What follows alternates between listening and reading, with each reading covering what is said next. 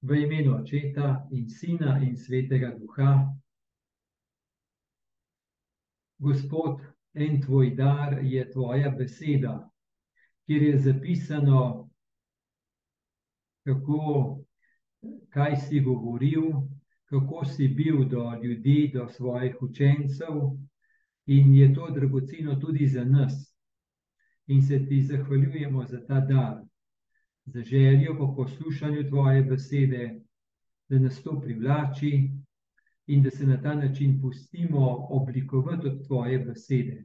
Ko poslušamo tvojo besedo, se s tem hranimo, obenem pa tvoja beseda nas oblikuje, očiščuje, pa nekaj naredi v nas. Se zavedamo, da če bi se lotili zgolj z našo človeško umnostjo, je malo, ampak želimo pristopiti k tvoji besedi kot tvoji besedi, ki je polna svetega duha in je sveti duh, ki po tvoji besedi dela nekaj v naši notranjosti. In zato se obračamo k tebi, sveti duh, v prošnji, sveti duh, posveti nas, napolnjuj naša srca z gorečim hrepenenjem po resnici, poti in življenju užgi v nas svoj ogenj, da ob njem tudi sami postanemo luč, ki sveti, greje in to laži.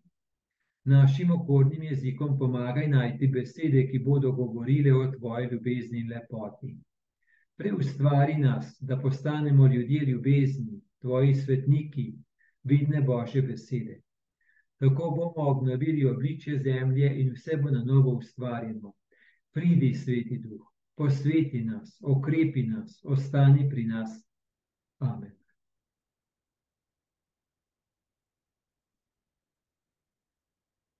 Zdaj pa odlomek, odlomek, ki nas čaka to nedeljo. Torej, pred nami je tako imenovana 24. 24. nedelja med letom, In odlomek je iz Matejevega evangelija, 18. poglavje, od 21 do 35. Tako pravi. Tisti čas je Peter pristopil k Jezusu in mu rekel: Gospod, koliko krat naj odpustim svojemu bratu, če greši zoper mene? Do sedemkrat? Jezus mu je dejal: Ne pravim ti do sedemkrat ampak do 70krat, sedemkrat. Zato je nebeško kraljestvo podobno kralju, ki je hotel napraviti račun s svojimi služabniki. Ko je začel računati, so mu, so mu privedli nekoga, ki mu je bil dolžan deset tisoč talentov. Ker ni imel s čim povrniti, je njegov gospodar ukazal prodati njega, njegovo ženo, otroke in vse, kar je imel, ter poravnati dolg. Služabnik je tedaj padel preden in ga prosil, potrpi z menoj in vse ti povrnem. Gospodar se je tega služabnika usmilil, oprostil ga je in mu dolg odpustil. Ko pa je ta služabnik šel ven, je srečal enega svojih soslužabnikov, ki mu je bil dolžan sto denarjev. Zgrabil ga je, ga davil in rekel: Vrni, kar si dolžan. Ta je padel preden in ga prosil: Potrpi z menoj in ti povrnem. Oni pa ni hotel, ampak je šel in ga vrgel v ječo, dokler mu ne bi povrnil dolga. Ko so njegovi tovariši videli, kaj se je zgodilo, so se zelo razžalostili in šli svojemu gospodarju povedati, kaj se je zgodilo.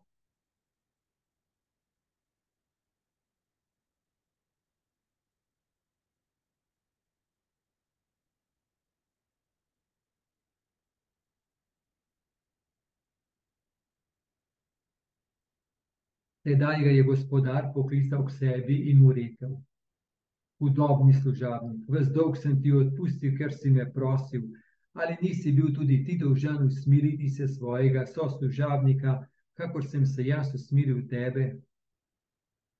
In njegov gospodar se je razjezil in ga izročil mučiteljem, dokler mu ne bi povrnil vsega dolga.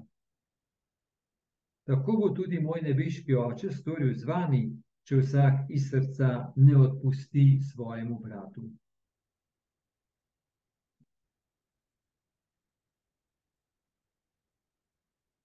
No, najprej nekaj besed, tako nasplošno, uvodnih. Torej, sem rekel, da je ta nedelja, 24. nedelja med letom, in letos v nedeljah med letom sledimo Matejev evangelij. To so tako imenovana leta A, B in C, in v tem letu sledimo Mateja, drugo leto bomo pa Marka sledili. No, in um, ta odlomek, ki ga imamo danes, torej gre do, po vrsti gre v Evangeliju po Mateju.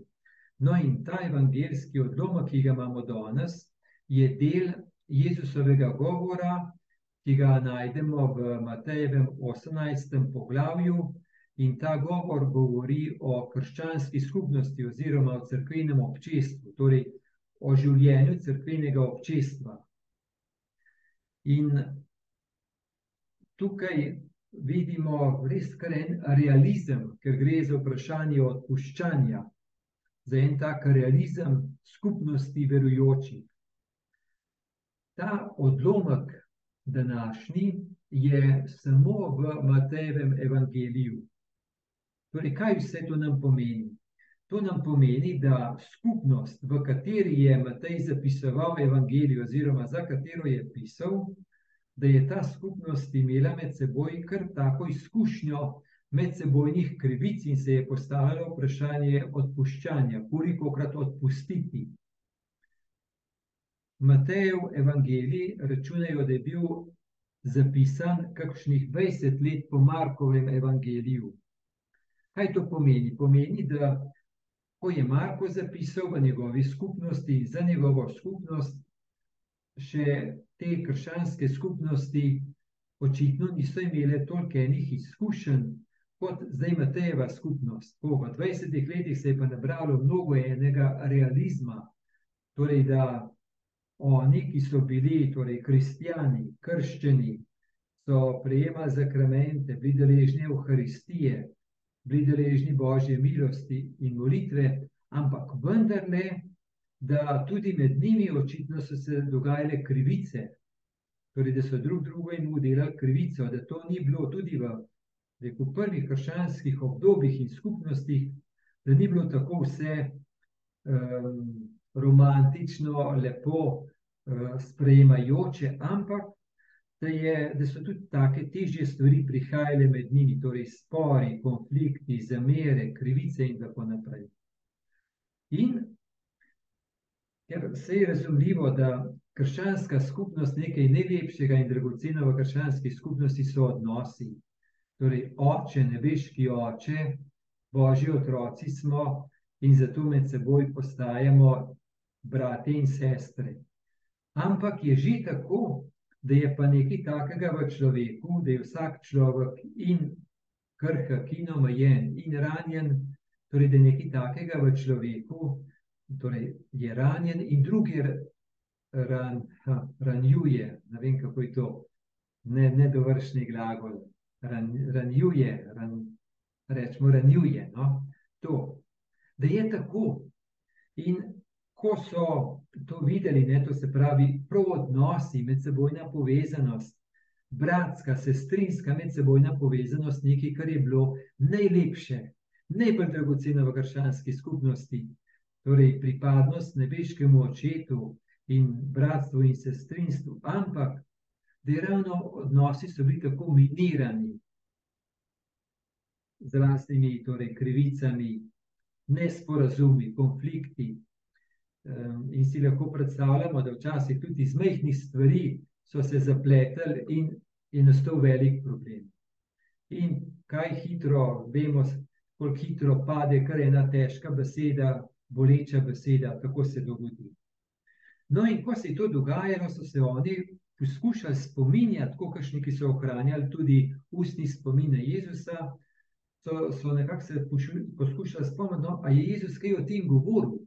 In ko so rekli, točno, je, je, je nekaj o tem govoril, in je potem Matej rekel, točno, to moramo pa mi zapisati, to je pa za nas za naše krščansko življenje v naši skupnosti potrebno. No, in tako imamo ta odlomek, pravim, je samo v, v Matejevem evangeliju. Začne tako. Tisti čas je Peter pristopil k Jezusu in mu rekel: Gospod, koliko krat naj odpustim svojemu bratu, če greši zoper mene? Do sedemkrat? Jezus mu je dejal: Ne pravim ti do sedemkrat, ampak do sedemdesetkrat sedemkrat. Torej, Petra, nekako Petru je jasno, da, da je odpuščanje, odpustiti nekomu, ki je njemu nekaj storil, zgrešenega, grdega, krivico. Torej, nekako je bilo jasno, da odpusti že, ampak kje pa meja tega? To pa je zdaj Jezus vprašal, kje pa meja tega? Mislim, da to vprašanje na raznih področjih, kje je meja, je marsikdaj prisotno v nas. Kje meja? Ne? Do katere meje ne potrpim, pa, pa ne več. Do katere meje ne Bogu zaupam, pa, pa, pa, pa moram jaz poskrbeti. Do katere meje ne Bogu prepustim, vendar pa moram jaz poskrbeti. Ko hočemo imeti eno mejo, do kam, eno mejo, do kam. Um,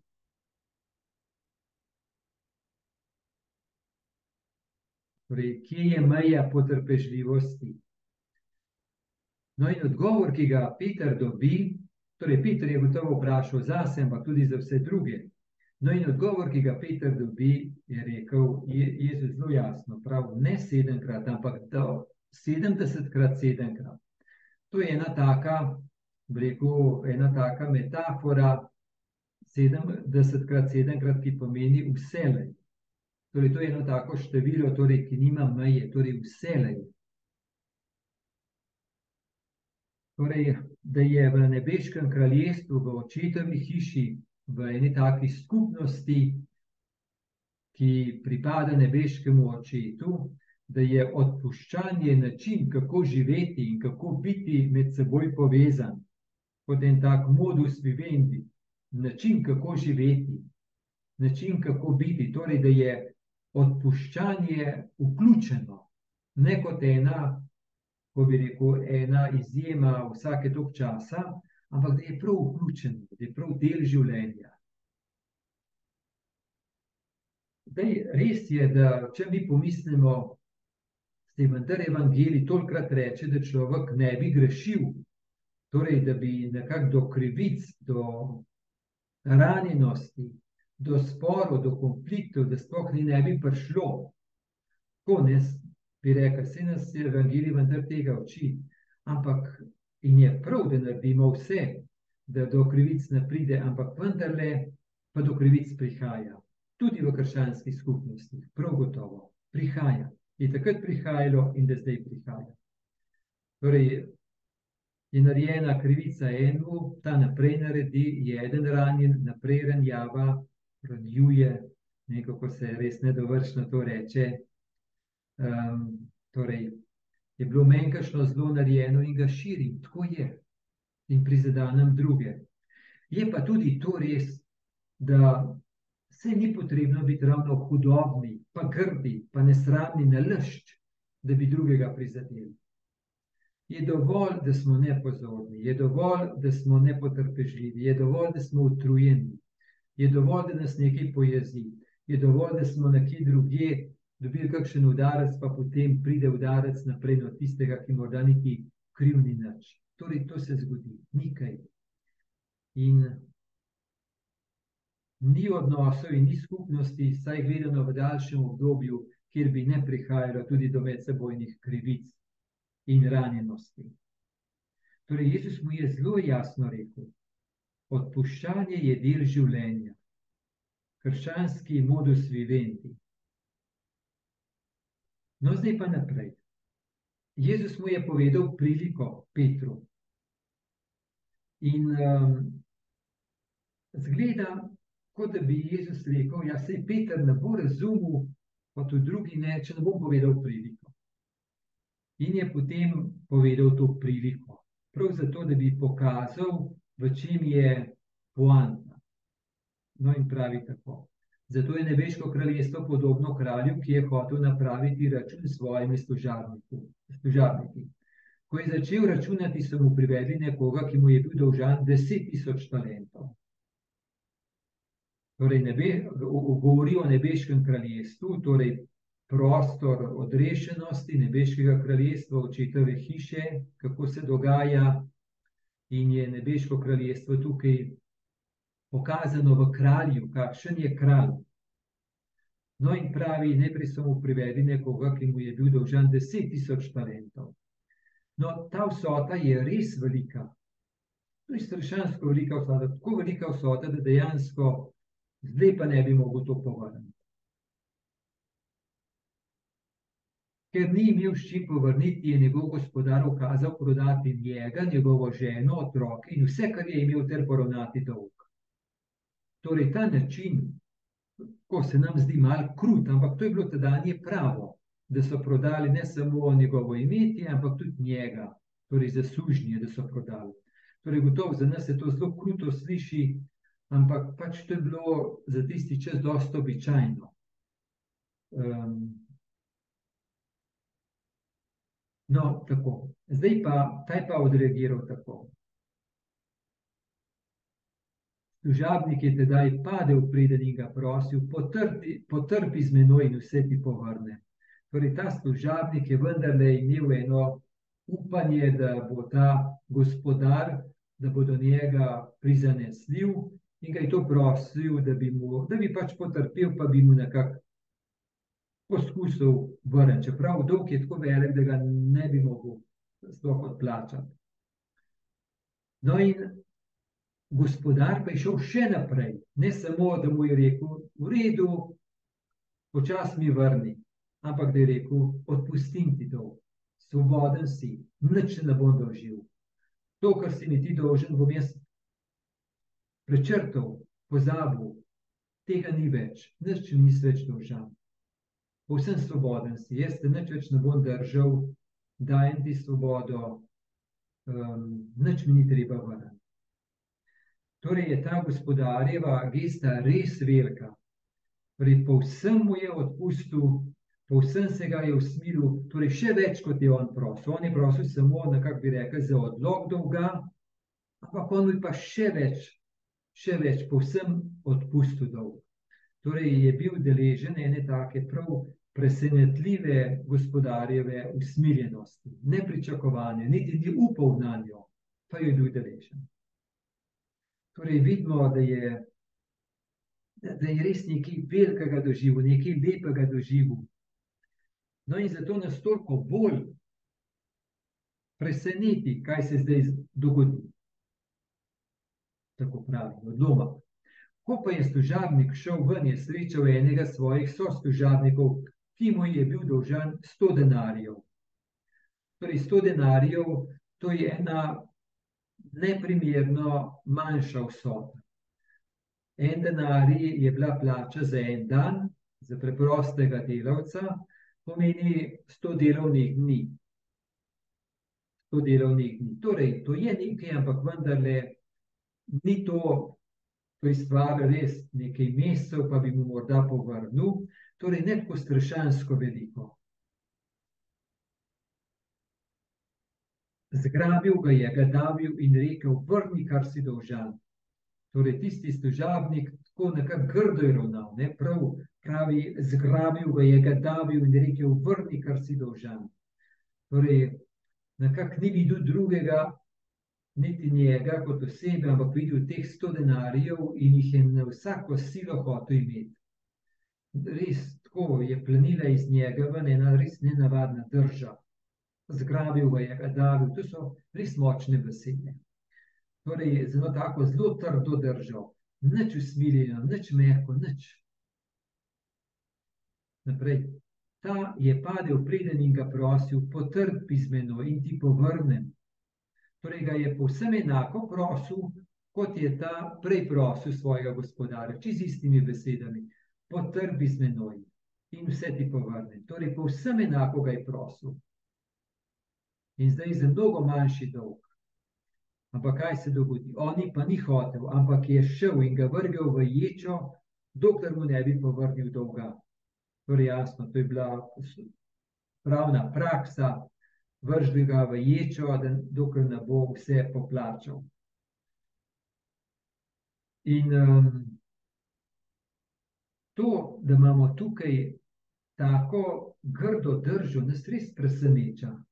Zakaj nas toliko bolj preseneča? kako je možno, da je nekdo tako trd, tako hladnega srca.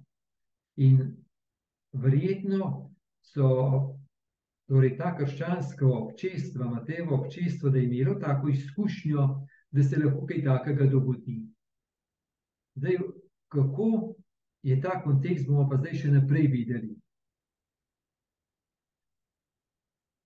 Ko so njegovi tovariši videli, kaj se je zgodilo, so se zelo razžalostili in šli svojemu gospodarju podrobno povedati, kaj se je zgodilo. Zdaj ga je gospodar poklical in mu rekel: Hudobni služabnik, v zdolg sem ti odpustil, ker si me prosil, ali nisi bil tudi ti dolžan usmiliti se svojega služabnika, kakor sem se jaz usmilil tebe torej ga je imenoval hudobni služabnik. In v čem je ta hudobnost? Ta hudobnost je prav to, ne pravi, poglej, jaz sem ti en velik dolg odpustil, povsem odpustil, ker si me prosil, sem se te usmilil. A ti pa ne bi mogel usmiljenja živeti do drugih. Niš čutil dolžnosti, da ker ti je bilo toliko odpuščeno, da bi ti tudi odpustil en tist majhen dolg, kje si, ki tvoje srce, kam gledaš, kam si pripet, kaj je nekako tako, teh sto denarjev, da si zdaj tak bil. Kako to? Torej, tebi je bil dan ta dar, odpuščeno ti je bilo, ti pa naprej ne odpuščaš. Ljubljen si bil, ti pa naprej ne ljubiš. Usmiljenje ti je bilo dano, ti pa naprej ga ne daješ. Naprej pravijo, da je njegov gospodar se je razjezil in ga izročil učiteljem, dokler mu ne bi povrnil vsega dolga.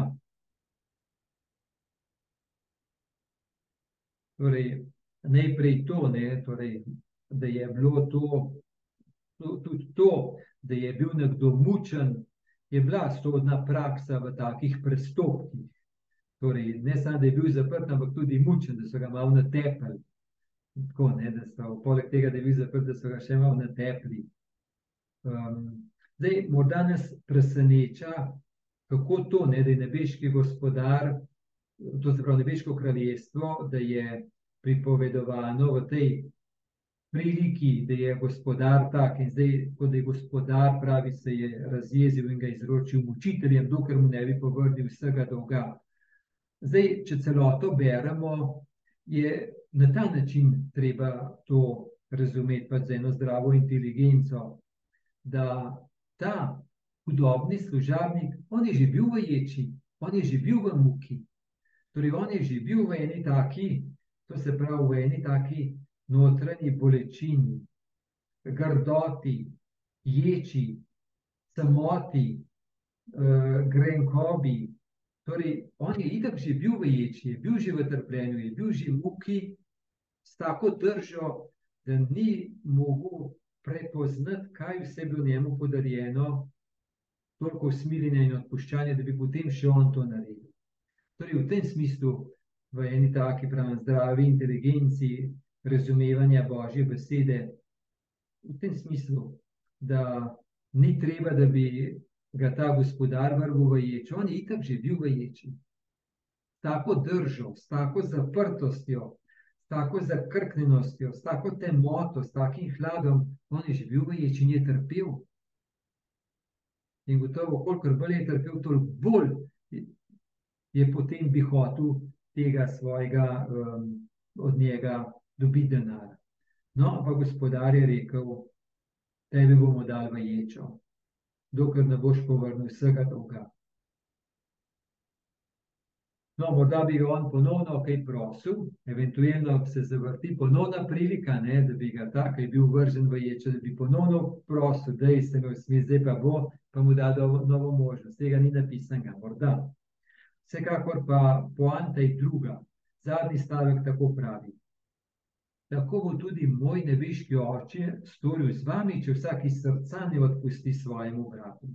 Torej bo tudi vas, tem smislu, dal v ječo, oziroma vas bo pustil v ječo, če vi ne boste odpustili vsak svojemu bratu. Zdaj, če mi celoto gledamo prilike, kaj to pomeni? Pomeni to, da pri nebeški oče pošlje svojega sina, da svojega sina, zato da sin vzame na sebe vse krivice, vse zlo sveta, da on vse to vzame na sebe in da odpušča brezpogojno in zastonsko. Torej, da smo mi, kristijani, da smo deležni božjega usmiljenja, božje ljubezni, ki gre do konca in gre do konca brezpogojno in zastonsko, in nam je odpuščeno. Smo deležni usmiljenja, torej smo deležni božje ljubezni, ne ker bi jo prislužili in zaslužili, ampak ker je Bog takšen, da nam jo daje. Torej, toliko nam je dano, toliko nam je dano božje ljubezni, toliko nam je dano v Kristusu, da pride tako blizu in odpušča zastonsko. In mi med seboj se pa kar ne bi odpuščali drug drugemu. Na križu je Jezus pokazal, kakšen je nebeški oče do grešnega človeka. Torej, včasih rečemo tisto, Bog, oziroma ne vem, če še v prvi svoj čas smo vem, da smo se učili, Bog dobro kaznuje, Ne, dobro plačuje in hudo kaznuje. Ne? Bog dobro plačuje in hudo kaznuje. Dobro. Staro zavezano avt deloma je lahko v tem, ampak vendarle, ne, ko je Jezus šel na križ, a je šel na križ zato, da bi kaznoval. Jezus, torej na križu se je do konca razudane, kdo je Bog in kdo je človek in kdo je Bog do človeka. Da je ljubezen, ki gre do konca, odpuščanje, ki gre do konca. Jezus ni šel na križ in da bi z križa kaznoval ali pa plačal dobre, ampak na križu je bil deležen strašanskega zla, mučenja mučiteljev in takrat je rekel nebeškemu očetu, odpusti, saj ne vedo, kaj delajo. Zaslepljeni so, ne vejo, kdo so, usmiri se jih. Torej, tako daleč gre Božja ljubezen tako daleč. To se pravi, tudi ko je Jezusu grdo delano, hudo delano, pa je vse odpuščeno.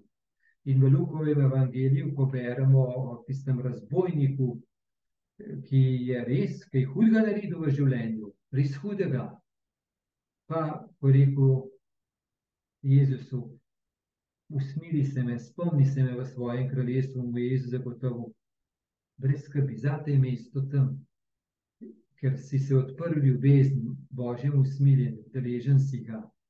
Torej, tako daleč gre božje usmiljenje, tako nam je odpuščeno, odpuščeno, nam Bog odpušča, lahko njemu preložimo naše grdobije, on jih vzame nas, po to je prišel, po vse krivice. Torej, mi si delamo med seboj krivice. In nam Gospod vse odpusti. Je pa človek lahko tudi kristijan tak, da bi pa kar zatrgnjeno rekel, tole krivico si mi storil, tole besedo si mi rekel, ne bom te spustil, dokler ne vem kaj. Tako ne, to se pravi, kaj vse nam Gospod odpusti, nam je dano za stonsko, znova in znova, in življenje, in ljubezen, in to nam je prav podarjeno mnogo, in kako smo mi lahko tako narejeni, da bi kar nekako z eno zadrgnjenostjo neizprostnostjo, bi rekel, ne spustim te, plačaj, kar si dolžen. Torej, to je celota te prilike. Da reče, kristjan si, pomeni, da si deležen točnega božjega usmiljenja, ki je brezpogojno, torej strašansko velik dar. Torej, v tem smislu, kot je rečeno, ta velika vsota, deset tisoč talentov, to se pravi strašansko veliko. Dobro, med seboj ti pa tudi do, med vami, vam je naredil to kakšno krivico. Pa, pa poglej, kaj ti je bilo odpuščeno, da boš ti lahko majhne krivice odpustil. Ker edino na ta način, da si odpuščate medsebojne krivice, bo šla skupnost naprej, bo šlo nebeško kraljestvo naprej, bo odrešenje šlo naprej. Ker tako, če mi pomislimo no, v naših krščanskih skupnostih, kaj to pomeni, no, vem, so župnijska občestva, so skupine v župniji, pa so pevski zbori, pa so razna, razne druge skupine, pa so vredovne skupnosti, pa crkvena gibanja. Torej, povsod tukaj ne, dobro, je lahko veliko duhovne globine, ampak vendarle pa smo vsi ranjeni in krhki, grešni tudi. In pride do sporov in konfliktov in nerazumevanja, in ranimo drug drugega. In um, je, je res edina pot, da je odpuščanje, torej ena prizanesljivost drug do drugega, da je vključena. Ker drugače pa res, ne, če mi bi bili do, drug do drugega samo pravičniški, to se narobe naredil, to moš povrniti, to, to, to, to, to, pomeni smo v eni trdoti, Medtem ko pa vidimo, da božja pravičnost do nas je pa drugačna.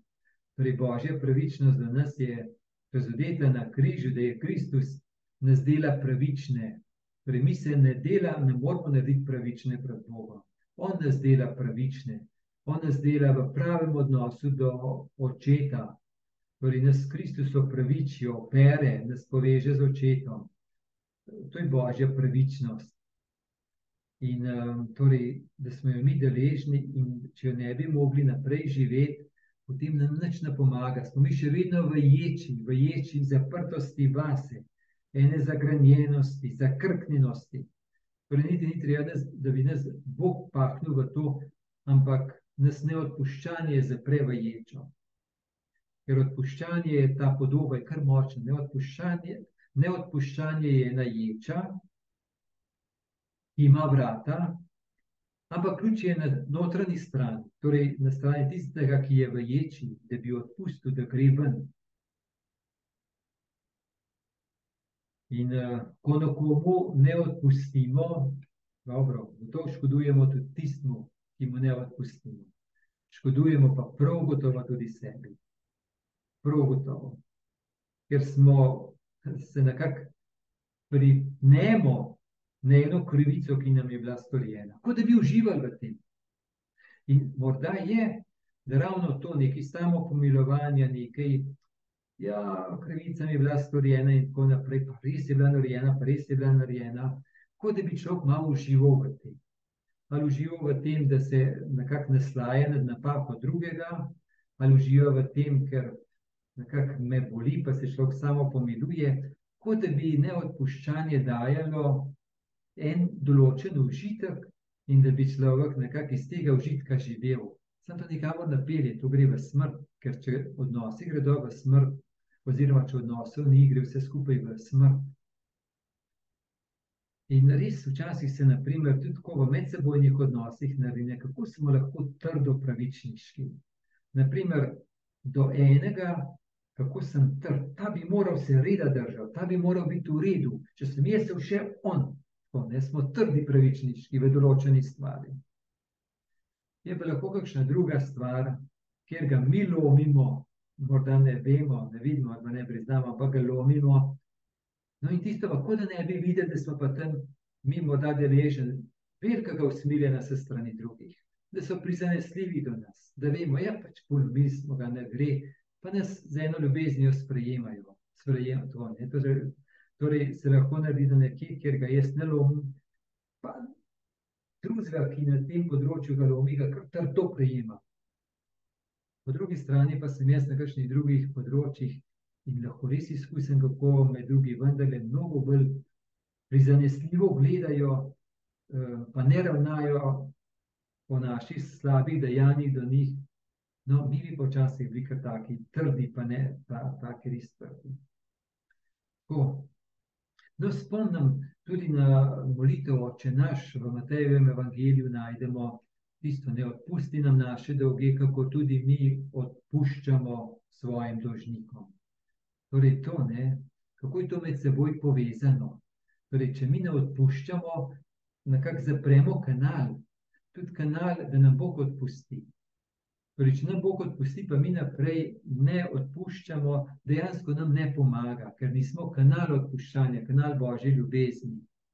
To je povezano, torej Bog nam odpušča in da smo kanal Božje odpuščanja za druge, ali pa ne, ali pa se vse kar na nas ustavi. No, tako. Mm. In še to lahko, no, da ko gre za odpuščanje, je to ena od takih, ali pa morda najbolj taka čista ljubezen. Zaradi tega, ker da nekoga, ko rekel, da mu odpustimo, da mu podelimo odpuščanje, mu ga povsem zastonsko, torej krivico smo si mi storili, ampak v redu. Ne vem, kaj je bilo, ne vem, kako je bilo, greva naprej, greva naprej, greva naprej. Pustimo se naprej potegniti meni Bog mnogo odpušča, za božje odpuščanje gre, gremo naprej. Mm. Gotovo ni enostavno odpuščati, prav gotovo ne, je res uh, milost. To je en tak nivo daru milosti. Tam je sicer rečeno dolžan, ampak vendarle ne, je, da gre pot naprej v novost, um, torej naprej od zamere, od konflikta, od krivice, je res potrebna milost, da naprej potegne, milost odpuščanja. No, in uh, je marsikdaj je za to milost potrebno prositi, morda zmeraj, ampak tako, no, da če nimamo te milosti, da prosimo.